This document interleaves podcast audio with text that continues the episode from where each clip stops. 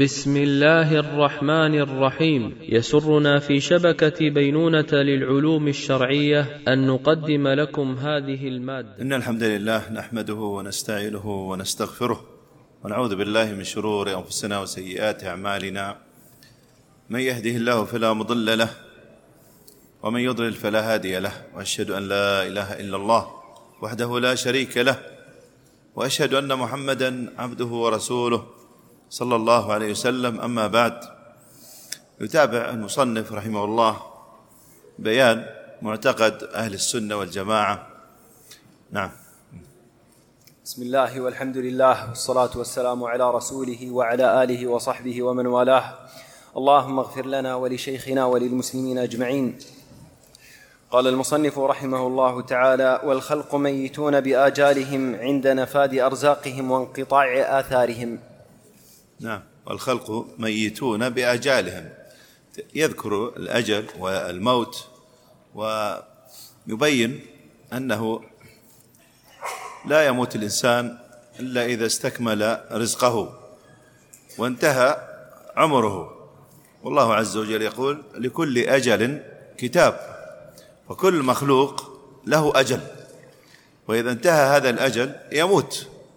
وإذا حضر الأجل انقطع الرزق انقطع الرزق وانتهى. وهكذا انتهى زمن العمل. والله عز وجل قال كل من عليها فان. ويبقى وجه ربك ذو الجلال والإكرام. فالخلق ميتون بآجالهم. نعم. قال رحمه الله ثم هم بعد الضغطة في القبور مساءلون. إذا يتكلم الشيخ أو يذكر الإمام المزني رحمه الله ما بعد الموت من البرزخ والقيامة والجنة والنار من خلال كلامه اللاحق. ثم هم بعد الضغطة بعدما يموت الإنسان ويدفن في قبره هناك اختبار امتحان في القبر وهناك ضغطة أي ضمة ولا بد من هذه الضمة. والنبي صلى الله عليه وسلم أخبرنا بذلك صح بذلك أكثر من حديث. قال صلى الله عليه وسلم لو نجا من ضمة القبر أحد لنجا سعد بن معاذ. لو نجا أحد من ضمة القبر لنجا سعد بن معاذ. ولقد ضم ضمة ثم روخي عنه. والحديث صححه الألباني في صحيح الجامع. وهكذا أيضا قال صلى الله عليه وسلم يشير إلى أحد الأطفال مات ودفن. قال لو نجا أحد من ضمة القبر لنجا هذا الصبي لنجا هذا الصبي. والحديث أيضا في صحيح الجامع. فهناك في القبر ضمة وكذلك أيضا فتنة كما جاء في الأحاديث الكثيرة عن فتنة القبر. والقبر فيه فتنة وفيه ضمة كما أخبرنا وهذه الضمة لا بد منها.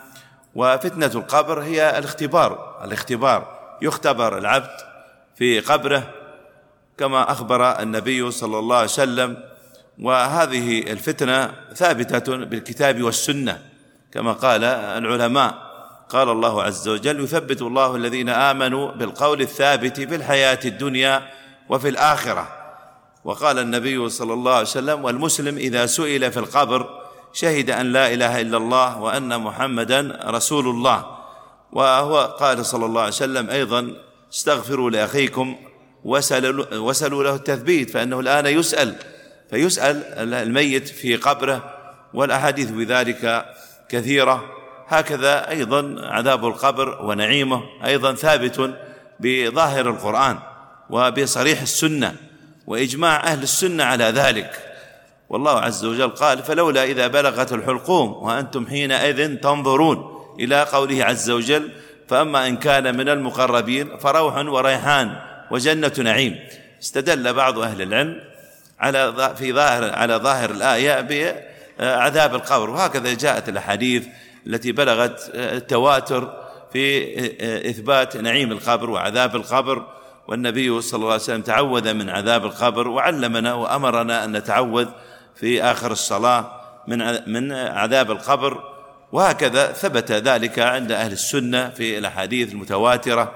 فنسأل الله أن يعيننا وإياكم وأن يثبتنا وإياكم بالقول الثابت في الحياة الدنيا وفي الآخرة. نعم.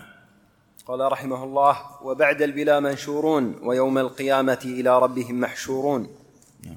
ولد العرض عليه محاسبون بحضرة الموازين ونشر صحف الدواوين أحصاه الله ونسوه في يوم كان مقداره خمسين ألف سنة.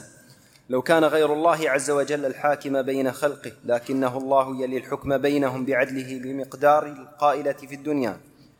وهو أسرع الحاسبين كما بدأه لهم من شقاوة وسعادة يومئذ يعودون.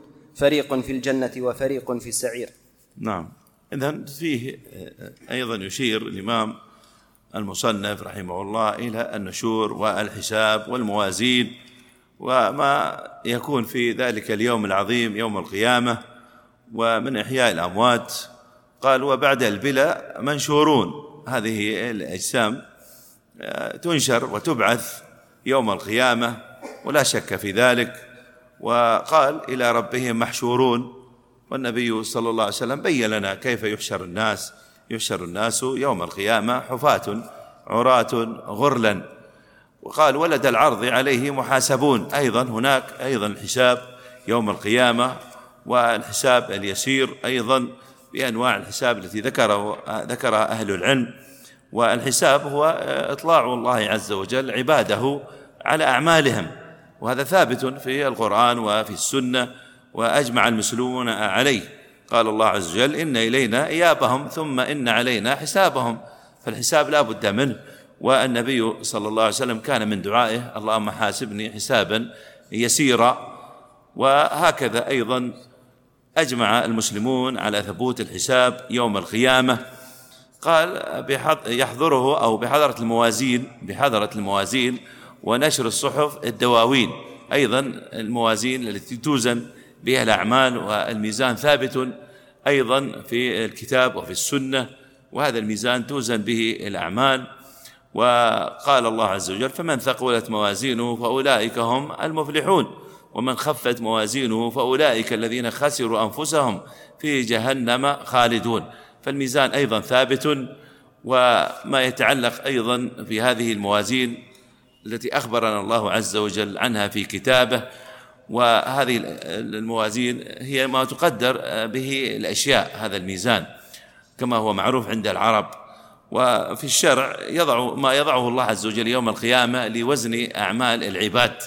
وقد دل على ذلك الكتاب والسنة وإجماع السلف على هذا أيضا. ثم قال الشيخ أحصاه الله ونسوه في يوم كان مقداره خمسين ألف سنة. وثبت ذلك في الحديث المتفق عليه. قال لو كان غير الله عز وجل الحاكم بين خلقه لكنه الله يلي الحكم بينهم بعدله. فالله عز وجل هو الذي يحكم بين عباده. العدل الحكم سبحانه وتعالى هو الذي يحكم بين عباده.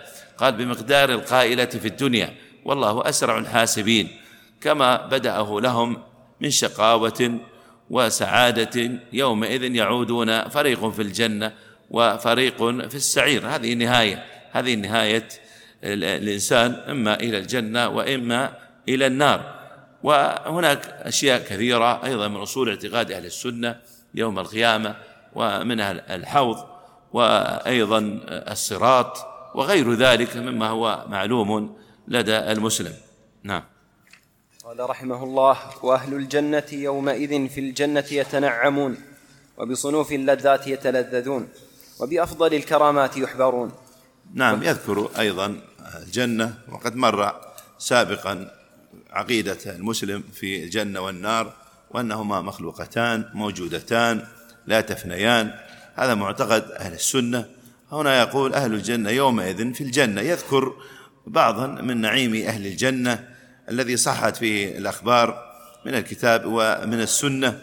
يتنعمون وبصنوف اللذات يتلذذون وبأفضل الكرامات يحبرون يتنعمون أهل الجنة هم أولياء الله عز وجل ونعيم الجنة ذكره الله عز وجل في كتابه وذكره أيضا رسوله صلى الله عليه وسلم والحديث الذي في الصحيحين يقول آه، النبي صلى الله عليه وسلم فيما يرويه عن ربه عز وجل قال الله أعددت لعبادي الصالحين ما لا عين رأت ولا أذن سمعت ولا خطر على قلب بشر. هذا يبين نعيم الجنة وأيضا ما أعده الله عز وجل لعباده المؤمنين في الجنة. نعم. فهم حينئذ إلى ربهم ينظرون لا يمارون في النظر إليه ولا يشكون فوجوههم بكرامته ناظرة وأعينهم بفضله إليه ناظرة في نعيم دائم مقيم ولا يمسهم فيها نصب وما هم منها بمخرجين أكلها دائم وظلها تلك عقبى الذين اتقوا وعقبى الكافرين النار. وأهل الجحد عن ربهم يومئذ لمحجوبون وفي النار يسجرون لبئس ما قدمت لهم أنفسهم أن سخط الله عليهم وفي العذاب هم خالدون. ولا يقضى عليهم فيموتوا ولا يخفف عنهم من عذابها. كذلك نجزي كل كفور. خلا من شاء الله من الموحدين إخراجهم منها. يذكر المصنف رحمه الله أعظم نعيم الجنة وهي رؤية الله عز وجل. وقال فهم حينئذ وهم في الجنة إلى ربهم ينظرون. لا يمارون في النظر إليه لا يشكون ولا يضامون. ما عندهم أي شك النظر إلى الله عز وجل. هذا أعظم نعيم الجنة ورؤية المؤمنين لربهم يوم القيامة ثابتة في الكتاب وفي السنة. وذلك قال الذهبي رحمه الله قال القاضي عياض في سيرة الإمام مالك رحمه الله. قال ابن نافع وأشهب. من تلامذة الإمام مالك. قلت يا أبا عبد الله. يسألون الإمام مالك يا أبا عبد الله وجوه يومئذ ناظرة إلى ربها ناظرة. ينظرون إلى الله؟ قال الإمام نعم. بأعينهم هاتين. قلت فإن قوما يقولون ناظرة بمعنى منتظرة إلى الثواب. قال بل تنظر إلى الله. أما سمعت قول موسى رب أرني أنظر إليك أتراه سأل محالا؟ قال الله لن تراني. يعني في الدنيا لأنها دار فناء فإذا صاروا إلى دار البقاء نظروا. قال تعالى كلا إنهم عن ربهم يومئذ لمحجوبون. انتهى هذا الأثر عن الإمام مالك رحمه الله. ذكره الذهبي في سيرته في سير أعلام النبلاء في المجلد الثامن. اذا قوله عز وجل وجوه يومئذ ناظرة أي تكون تلك الوجوه ناظرة حسنة بهية وتلك الوجوه إلى ربها ناظرة أي ناظرة إلى الرب عز وجل أي رائية ربها عز وجل تنظر الوجوه إلى الرب سبحانه وتعالى بغير إحاطة لأنه القائل ولا يحيطون به علما فأصل العلم بالله عز وجل ثابت. كذلك الرؤية فهو عز وجل يرى ولا يحاط به ويرى بلا كيفية ولا تكييف. رؤية الناس لربهم عز وجل فالكيفية منفية لأن رؤية المؤمنين في الجنة لربهم تبع لصفاته وصفات الرب لا تعرف كيفيتها. هذا شيء من معتقد أهل السنة في رؤية الله عز وجل والإمام مالك رحمه الله في الأثر السابق استدل بالآية استدل بالآية على إثبات الرؤية في الآخرة من ثلاثة أوجه وهذا في رد على الذين أنكروا الرؤية أو أولوها بالثواب. وفيه ثلاثة أجوه أوجه من استدلال الإمام مالك رحمه الله. الوجه الأول أن النظر هنا وجوه إلى رب وجوه إلى ربها وجوه يومئذ ناظرة إلى ربها ناظرة إلى ربها. قال النظر عدي بإلى. وتعدية النظر بإلى تفيد رؤية العيان والبصر رؤية العيان والبصر. الوجه الثاني قال إن الله تعالى جعل النظر إليه سبحانه وتعالى مضافا إلى الوجوه وجوه يومئذ ناظرة إلى ربها ناظرة. ومحل الرؤية والنظر في الوجه هو العينان هو العينان. الوجه الثالث أيضا من استدلال الإمام مالك من الآية أنه عز وجل قال وجوه يومئذ ناظرة والنظر أو النظر هو البهاء والسرور الذي يعلو الوجوه الاطمئنان. إنما يكون بالرؤية التي هي منتهى النعيم واللذة. لأنهم رأوا الله عز وجل وجوههم ناظرة ناظرة مطمئنة بهية مسرورة. تكون الوجوه بالنظر صارت ناظرة حسنة بهية. دل على أن المقصود الرؤية البصرية. هذا في رد من آه، وجه استدلال الإمام مالك رحمه الله بالآية على المخالفين. هذه العقيدة التي ذكرها الإمام مالك رحمه الله هي معتقد أهل السنة والجماعة في رؤية المؤمنين آه، لربهم عز وجل يوم القيامة. أما غيرهم غير المؤمنين الله عز وجل قال عنهم كلا إنهم عن ربهم يومئذ لمحجوبون. فالكفار محجوبون عن الله عز وجل لا يرونه. وهذا استدل به أيضا الإمام الشافعي رحمه الله على رؤية المؤمنين لربهم. ما دام أنه نفى الرؤية عن هؤلاء عن الكفار وأنهم محجوبون. فإذا هي ثابتة للمؤمنين هذه الرؤية. والأحاديث في إثبات الرؤية متواترة لكثرتها. منها قوله صلى الله عليه وسلم إنكم سترون ربكم كما ترون هذا أي القمر لا تضامون في رؤيته. والحديث في الصحيحين والأحاديث متواترة. أما من خالف أهل السنة أهل التعطيل فقالوا رؤية ثواب الله. فيرد عليهم كما يرد على المعطلة والمؤولة بأن كلامكم هذا خلاف النص خلاف الآية خلاف الأحاديث خلاف ظاهر الأحاديث. كذلك أيضا خلاف طريقة السلف. ما كان السلف هكذا يؤولون. كانوا يأخذون النصوص ويعتقدون بظاهر النصوص. وأيضا رد ثالث أن كلامكم وتأويلكم ليس عليه دليل صحيح. وأن هذا الكلام مردود عليكم. هذا ما أريد نطيل عليكم لكن يكفي إن شاء الله في هذه المسألة. نعم. والطاعة لأولي الأمر فيما كان عند الله عز وجل مرضيا واجتناب ما كان عند الله مسخطا وترك الخروج عند تعديهم وجورهم وتوبة إلى الله عز وجل كيما يعطف بهم على رعيتهم. نعم هذه مسألة أيضا مهمة. جدا من مسائل أصول الاعتقاد خاصة ظل آه، كثير من المتأخرين فيها طاعة الأئمة والأمراء ومنع الخروج عليهم. هذا أصل من أصول معتقد أهل السنة. يذكره المصنف المزني رحمه الله في هذه الرسالة. يقول الطاعة لأولي الأمر فيما كان عند عند الله عز وجل مرضيا يعني بالمعروف. إنما الطاعة في المعروف يقول صلى الله عليه وسلم قال واجتناب ما كان عند الله مسخطا يعني لا طاعة في المعصية لا طاعة في المعصية إنما الطاعة في المعروف لا طاعة لمخلوق في معصية الخالق. قال وترك الخروج عند تعديهم وجورهم ولو ظلم ولو ظلموا ولو تعدوا يجب الصبر واحتساب الأجر كما أمرنا النبي صلى الله عليه وسلم بذلك. فلا يجوز الخروج عليهم بسبب تعديهم أو جورهم. هذا أصل من أصول الاعتقاد عند أهل السنة. فالطاعة في المعروف فرض على كل مسلم. لذلك وجبت البيعة. والبيعة لولي الأمر المسلم واجبة على كل مسلم. والنبي صلى الله عليه وسلم أخبرنا بأنه من مات ولم تكن في عنقه بيعة مات ميتة جاهلية. فالبيعة هي السمع والطاعة لولي الأمر في المعروف. هذا أصل من أصول الاعتقاد.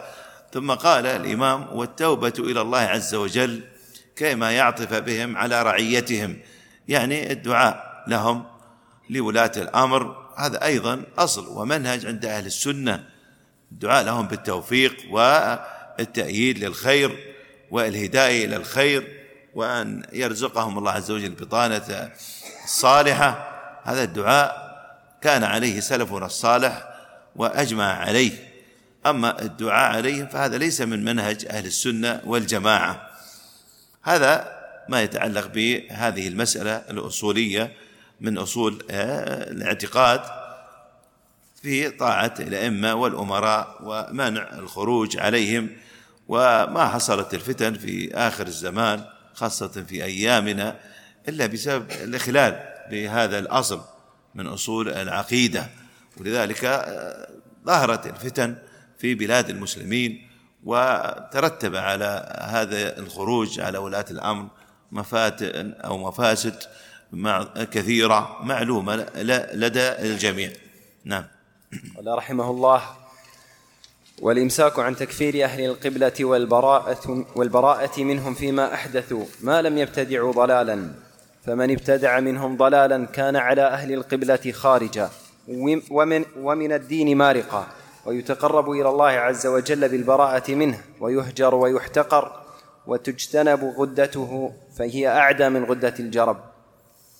نعم أيضا هذا أصل من أصول اعتقاد أهل السنة.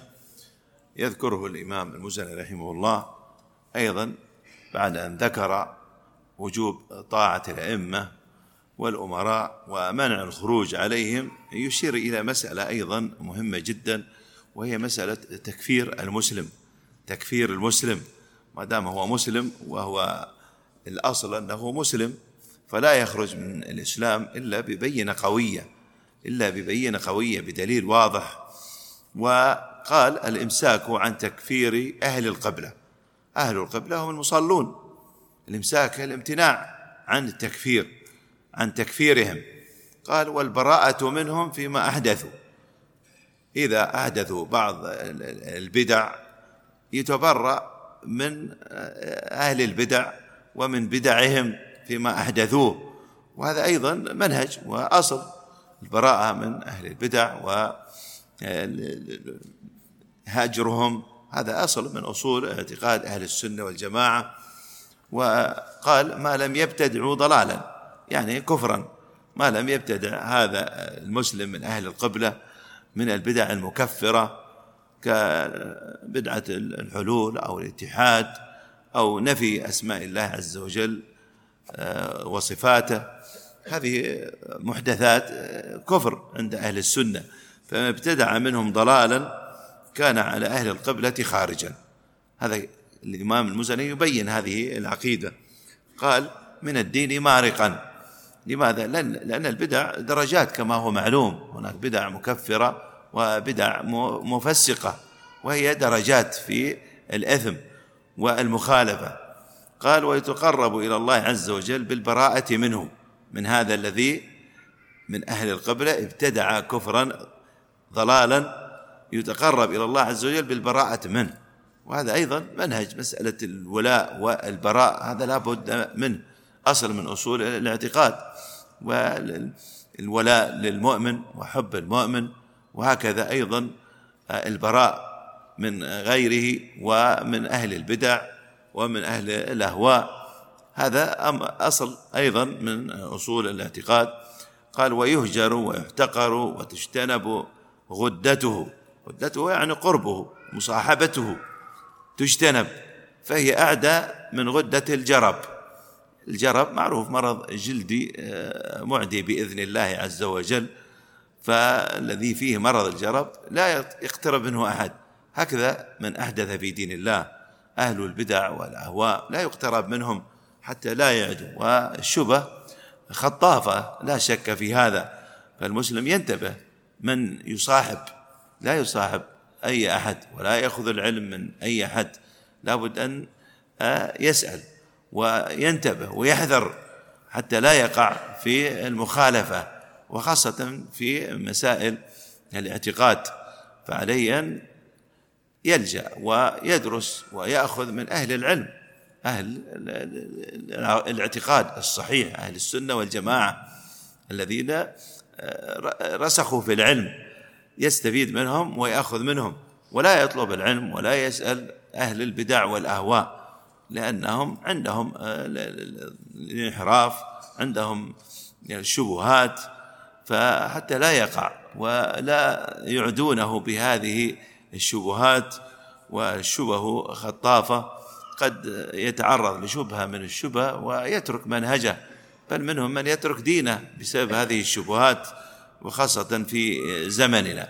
هذه مسألة تكفير تكفير المسلم يجب الحذر منها. ويجب التحذير وعدم التسرع التكفير بارتكاب الكفر الأكبر أو الشرك الأكبر أو النفاق الاعتقادي أو الإلحاد المخرج من الملة. هذا له شروط له أسباب أيضا موانع. ذكرها أهل العلم فلا يتسرع المسلم. هناك أمور واضحة جدا وهناك أمور تحتاج إلى الرجوع إلى أهل العلم فيها. فالمؤمن لا يتسرع في هذا. لذلك الشيخ بدأ كلامه في هذه الفقرة الإمساك عن تكفير أهل القبلة الامتناع. إلا إذا عندك علم علم يقيني واضح وعندك آه، أيضا آه، برهان على حكمك لحكمك. وهكذا أيضا توفرت أسباب للحكم بكفر هذا الإنسان. وأيضا توفرت شروط ثم انتفت موانع هناك موانع للتكفير. ذكرها أهل العلم استنباطا من الأدلة العامة من الكتاب ومن السنة وهكذا أيضا من منهج العلماء قديما. فلا بد من الحذر من هذا الأمر والرجوع إلى أهل العلم في هذه المسألة المهمة. ويقول شيخ الإسلام ابن تيمية رحمه الله ليس لأحد أن يكفر أحدا من المسلمين وإن أخطأ وغلط. حتى تقام عليه الحجة وتبين له المحجة. ومن ثبت إسلامه بيقين لم يزل ذلك عنه بالشك بل لا يزول إلا بعد إقامة الحجة وإزالة الشبهة. هذا كلام شيخ الإسلام في مجموع الفتاوى في المجلد الثاني عشر. ليس لأحد أن يكفر أحدا من المسلمين. هذا منهج عقيدة. ذكرها الإمام المزني وبعده شيخ الإسلام يقررها. ليس لأحد أن يكفر أحدا من المسلمين وإن أخطأ وغلط حتى تقام عليه الحجة. إذا هناك في شروط فيه شروط وأيضا توجد موانع. فلا يتسرع المسلم ويحكم يرجع إلى أهل العلم ويسألهم في مثل هذه المسائل. إذا ليس لأحد أن يكفر أحدا من المسلمين وإن أخطأ وغلط حتى تقام عليه الحجة. حتى تقام عليه الحجة يعلم ويبين له وإذا كان عنده شبهة أيضا يرد على شبهته ويصبر عليه. وتقام وينصح ويعلم أكثر من مرة حتى يكون عنده العلم الكافي. فإذا أصر وعاند حينها يحكم عليه. تبين له المحجة بالأدلة من الكتاب والسنة ومن أيضا إجماع أهل العلم. قال ومن ثبت إسلامه بيقين لم يزل ذلك عنه بالشك لأن الشك لا يزول أو اليقين لا يزول بالشك اليقين لا يزول بالشك. هذه قاعدة فقهية أجمع عليها العلماء. فهو الآن مسلم بيقين فلا يزال من هذا الإسلام إلا بيقين إلا بيقين. وعلم واضح وبشروط ذكرها أهل العلم. وأيضا مسألة آه، تكفير أهل القبلة بالمعاصي. أشار لها الإمام المزني في أول هذا الكلام. أهل القبلة هم المسلمون كما هو معلوم المصلون. آه، آه، لا يكفرون بفعل الكبائر لأن هذا أيضا مسألة. هل الكبائر أو فاعل أو مرتكب الكبيرة كافر؟ هذه مسألة قديمة وظل فيها أناس الخوارج قالوا فاعل الكبيرة كافر خالد في النار. والمعتزلة قالوا هو منزلة في منزلة بين منزلتين لا كافر ولا مسلم. أما أهل السنة والجماعة فكلامهم واضح فأن مرتكب الكبيرة إذا مات وهو مصر عليها فهو تحت مشيئة الله عز وجل. إن شاء الله غفر له وإن شاء عذبه سبحانه وتعالى. دل على ذلك الأدلة وأجمع أهل السنة على ذلك وأجمع أهل السنة على هذه العقيدة. والنبي صلى الله عليه وسلم يقول قال الله تعالى يقول الله عز وجل من كان في قلبه مثقال حبة خردل من إيمان فأخرجوه فأخرجوه يعني من النار. وحديث طويل في الصحيحين. والنبي صلى الله عليه وسلم يخبر عن ربه عز وجل أنه قال من كان في قلبه مثقال حبة خردل من إيمان فأخرجوه. إذا عنده لا إله إلا الله لا إله إلا الله هذه لا تخلده في النار. وهذه تدل على أنه مات على الإيمان ولو ارتكب الكبائر. من الأدلة في الرد على المخالفين. والنبي صلى الله عليه وسلم قال من قال لا إله إلا الله نفعته يوما من دهره. نفعته يوما من دهره. ولا ولو كان ارتكب الكبائر. فهناك أدلة عند أهل السنة دلت على أن مرتكب الكبيرة تحت مشيئة الله عز وجل. هذه عقيدة أهل السنة بخلاف الخوارج والمعتزلة ومن وافقهم. والرد على هؤلاء بأن قولكم بأن مرتكب الكبيرة كافر خالد في النار هذا مخالف للنصوص خالف نصوص الكتاب والسنة. والله عز وجل قال إن الله لا يغفر لا يغفر أن يشرك به ويغفر ما دون ذلك لمن يشاء. هذه الكبائر دون ذلك. فالله عز وجل قد يغفرها قد يغفرها. وكذلك أيضا قولكم بأن مرتكب الكبيرة كافر مخلد في النار هذا مخالف مخالف لإجماع السلف. مخالف لإجماع السلف من الصحابة ومن التابعين. لم يقولوا هذا القول قالوا أن مرتكب كبيرة آه، تحت مشيئة تحت مشيئة الله عز وجل. إن شاء عذبه وإن شاء غفر له. نسأل الله عز وجل أن يحفظنا وإياكم وأن يحسن لنا ولكم الخاتمة. نكتفي بما ذكرنا.